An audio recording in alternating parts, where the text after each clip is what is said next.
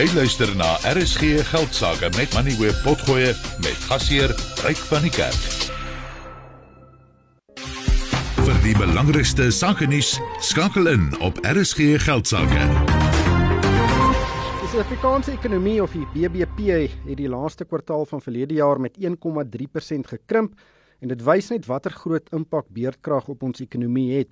Die daling was baie erger as die 0,4% inkrimping wat ekonome verwag het en uh, die daling het ook meegebring dat ons BBP nou weer kleiner is as wat dit voor die COVID-pandemie was. Nou volgens statistieke Suid-Afrika het 7 van die 10 ekonomiese sektore in die land agteruitgeboer en dit was net vervoer, konstruksie en persoonlike dienste wat groei gewys het hoewel hierdie groei maar baie effens was. Aan die negatiewe kant het die finansiële sektor erg gesukkel en het met 0,6% gekrimp. Eh, die finansiële sektor is die grootste ekonomiese sektor in die land. Dan het Statistiek Suid-Afrika ook bekend gemaak dat ondanks die negatiewe vertoning in die 4de kwartaal het die ekonomie vir die volle 2022 met 2% gegroei. Johan Els is uh, Old Mutual se hoofekonoom. Hy is op die lyn. Johan, welkom by die program. Het jy 'n inkrimping van 1,3% verwag? Nee, nee, ek het nie. Ehm um, dis heel wat erger as wat ons verwag het. En ek het so geluister na jou inleiding. Jy is heeltemal reg. Die die um elektrisiteitsprobleme het 'n groot impak, maar dit was wat ons verwag het in die mynbou en al veral vervaardigingssektor wat vir my moeilik was om aan te sluk is die groot daling in die finansiële dienste sektor se bydrae tot BBP. Jy het 'n syfer genoem van minus 0,6. Dis die bydrae tot die totale BBP. Die werklike daling in daai sektor was minus 2.3%. Nou dit maak nie vir my 100% sin nie want dit het nie 'n direkte verband soos mynbou en vervaardiging met elektrisiteitsprobleme nie. So ek het bietjie moeilik daarin gesluk. Dit was dan met ander woorde die grootste deel van die negatiewe verrassing van die BBP. Ja, is daar enige voor die hand liggende redes daarvoor want die finansiële dienste sektor is 'n baie stabiele sektor. Dit is 'n baie groot sektor en daar is nie altyd of baie keer wisselvalligheid te sien nie. Uh is daar miskien nee, enige ja. ander wel meer voor die hand liggende redes as net luister daar het bittermin gebeur in daai sektor in die 4de kwartaal? Ja, nee, um, om vir die eerlike waarheid te sê, ek ehm um, wag nog vir terugvoer van Statistiek Suid-Afrika. Ek het probeer praat met hulle. Dit dis vir my half 'n vreemde syfer daai.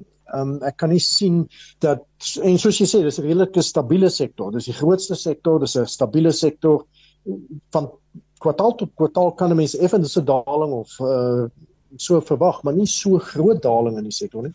En ek wonder of dit nie is wat dan in die volgende ehm um, stel syfers weer hersien kan word nie. Met ander woorde, miskien lyk die ekonomie nie so sleg soos wat ons nou lyk kyk na die um, hooflyn datapunt daar nie. Die ekonomie die hele jaar verlede jaar of die volle jaar met 2% gegroei. Nou dit is steeds heelwat laer as wat dit moet wees, maar ek dink baie mense sal dink na verlede jaar se groot klomp probleme is 2% nie te sleg nie. Ja, ek stem saam met jou. Ek dink nie 2% is te sleg as jy dink hoe wisselvallig die jaar was nie. Die die vloede in KwaZulu-Natal in die tweede kwartaal het 'n geweldige negatiewe impak gehad wat vir lank geduur het veral uh, wat motorproduksie aanbetref met Toyota se fabrieke wat vir lank gesluit was. Ehm um, so dit was baie wisselvallige patroon en op die ou einde van die dag stem ek saam met jou. Ek dink nie dit was te te sleg nie met al die ehm um, elektrisiteitsprobleme daarmee saam. Um, ons het nou gepraat van die finansiële dienste sektor. Die ander een wat my bietjie bekommer is landbou wat ook baie baie wisselvallig was deur die loop van die jaar in die vier kwartaale. Um en daar het ons die afgelope jaar of twee meer sulke wisselvalligheid gesien vergeleke met 'n hele klompie jare terug toe statistieke Suid-Afrika meer uh, 'n uh, seisonale um smoothing faktor probeer inbou het om te keer dat dit so wisselvallig is. So ons het nou gesien verlede jaar se kwartaal syfers was baie baie wisselvallig, nie net in die landbou nie, maar as gevolg van die landbou dan ook in die totaal. En dis eintlik dan 'n kommerwekkende tendens wat ons sien want dit maak ook moeilik vir besighede om te beplan as 'n mens sulke groot wisselvalligheid in jou um, makrosyfers het. Die nasionale tesourier het tydens die begroting aangekondig hulle verwag groei van 0,9% vanjaar en die tesourier is altyd daarvoor bekend dat hulle oor optimisties is, maar ek het ook 'n nota gesien wat jy vandag uh gepubliseer het of uitgestuur het wat sê jy dink dit die groeikoers kan nog steeds 2% vir jaar beloop ondanks die beerdkragprobleme wat ons het. Is jy nie bietjie oor oor optimisties nie? Ja, eerstens wil ek met jou verskil oor tesorie. Ek dink hulle is hulle is redelike konservatiewe benadering tot hulle begroting, hulle makro-ekonomiese veranderlikes ook.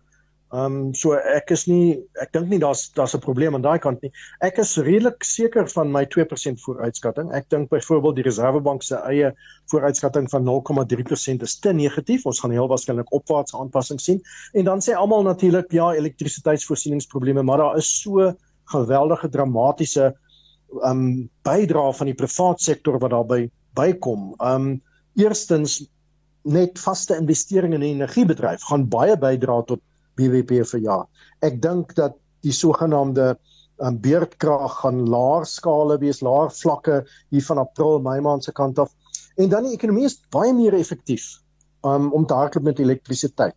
Um, ons kan nou vergeleke met die jaar 2000 dieselfde BBP vervaardig met 25% minder van Eskom se elektrisiteit. En dit gee vir mense 'n aanduiding van hoeveel private elektrisiteit daar reeds in die mynboubedryf en vervaardigingsbedryf by ondernemings is. En, en daar's daar's net so klomp elektrisiteit wat van die private sektor se kant af bykom. Ja, luisteraars wat dalk self uh, sonkragpanele opgesit het of beplan om nou op te sit, hulle is deel van die oplossing. En hulle is deel van hierdie ehm um, inherente privatisering van Eskom se elektrisiteit. En ek dink dis alles redelik positief. Nee, ek is redelik optimisties dat my 2% vooruitskatting vir verjaar reg gaan wees. Hooplik is dit die geval. Ek dink uh die beerkrag wat ons nou hier aan die begin van die jaar ervaar, kan 'n groot impak hê. Jy dink nie dit gaan so 'n groot impak hê nie en ek dink jy maak 'n goeie punt dat ons ekonomie pas aan en is veerkragtig en en probeer oplossings soek. Maar uh ek dink ons sal vroeg volgende jaar weer gesels en kyk of daardie 2% reg is, maar uh nie 'n goeie syfer vir die laaste kwartaal van verlede jaar nie maar uh, ek dink uh, ons kan uh, maar Johan dink jy ons kan 'n resessie beleef waar ons nou twee agtereenvolgende kwartaale het wat agteruitboer waar daar rooi syfers is? Uh, natuurlik hierdie ja. eerste kwartaal het nou nie so goed begin nie maar is is dit 'n groot um, kwessie? Indien ons byvoorbeeld in hierdie jaar in hierdie eerste kwartaal waar ons nou is ook 'n rooi syfer sien dis natuurlik onmoontlik nie. Ons het nog bitter min data beskikbaar vir die eerste kwartaal. Ehm um, die elektrisiteitsvoorsieningsprobleme kan natuurlik veroorsaak dat mynbou en ehm um, vervaardiging weer swakkerig is, maar gewoonlik as ons so dramatiese negatiewe syfers sien, dan sien ons gewoonlik 'n omeswaai in die volgende kwartaal en veral dan van die finansiële dienste sektor. Daar's niks wat vir my uitstaan wat vir my wys dat daai sektor so swak moet bly nie. En dis veral die finansiële dienste sektor omswaai in die eerste kwartaal So jou vraag is is dit moontlik om weer 'n rooi syfer te sien? Ja, dit is moontlik, maar ek dink dit is onwaarskynlik. In elk geval, as ons sou sien twee kwartaale van negatiewe groei, tegniese resessie, maar ek dink dit gaan voortduur nie. Soos ek sê, ek dink daar kom baie elektrisiteit um hmm. oor die volgende paar maande op die grid en ek dink nie dit gaan voortduur om 'n dieper of 'n langdurige resessie te sien. Johan, dankie vir jou tyd. Dit was Johan Els, hy's Old Mutual se hoofekonoom. Jy het geluister na RSG Geldsaake met Money where potgoe elke weeksdag om 7 na middag.